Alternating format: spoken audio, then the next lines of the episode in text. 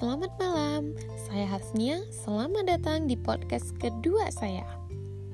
Kalau kemarin kita berbicara tentang sederhananya bahagia, hari ini kita akan membahas bagaimana caranya untuk bisa sukses.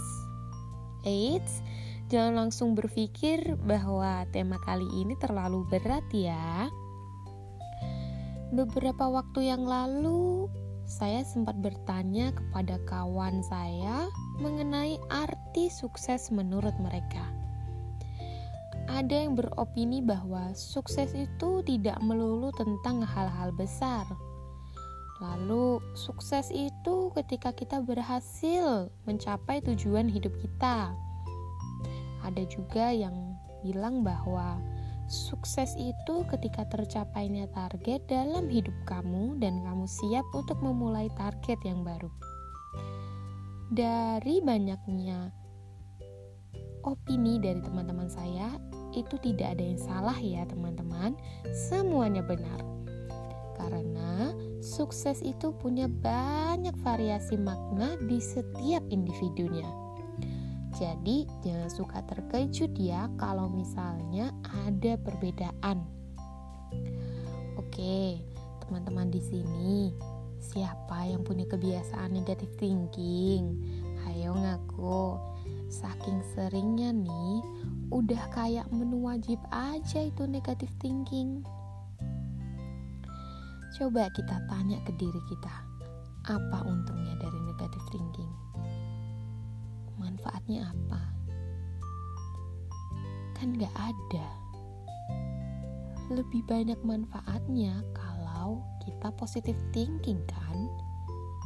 Hati jadi lebih tenang, kesehatan mental terjaga, menghadapi masalah-masalah di luar kendali kita dengan lebih bijak, dapat pahala pula.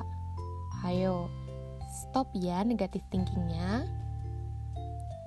Terus, siapa di sini yang doyan banget insecure tengah malam?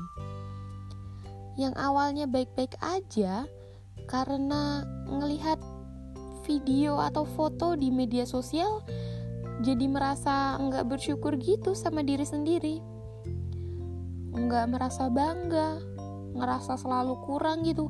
Aduh aku kurang putih aku kurang langsing aku kurang mancung dan kurang-kurang lainnya.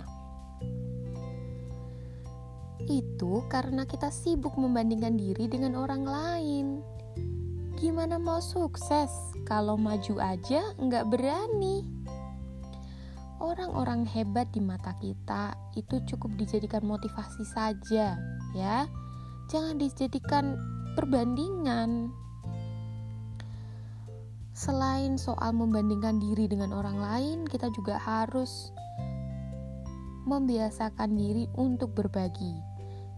Berbagi itu bukan cuma tentang uang, ya. Jadi, ketika kita bisa bermanfaat untuk orang lain, itu juga berbagi, teman-teman. Kalau kita sudah terbiasa, Hasilnya, ketika ada orang lain yang membutuhkan bantuan, hati kita jadi tidak merasa berat, malah merasa senang kalau bisa membantu karena terbiasa. Nah, dari tiga poin itulah yang menurut saya mempunyai dampak dan bisa membuat kita merasa sukses, membuat kita sukses lah. Yang pertama, mindset dibanyakin positive thinking daripada negatifnya. Jangan atau stop untuk membandingkan diri dengan orang lain dan jangan lupa untuk membiasakan berbagi. Terima kasih sudah mendengarkan podcast saya. Saya Hasnia. Selamat malam, sampai jumpa di podcast saya selanjutnya.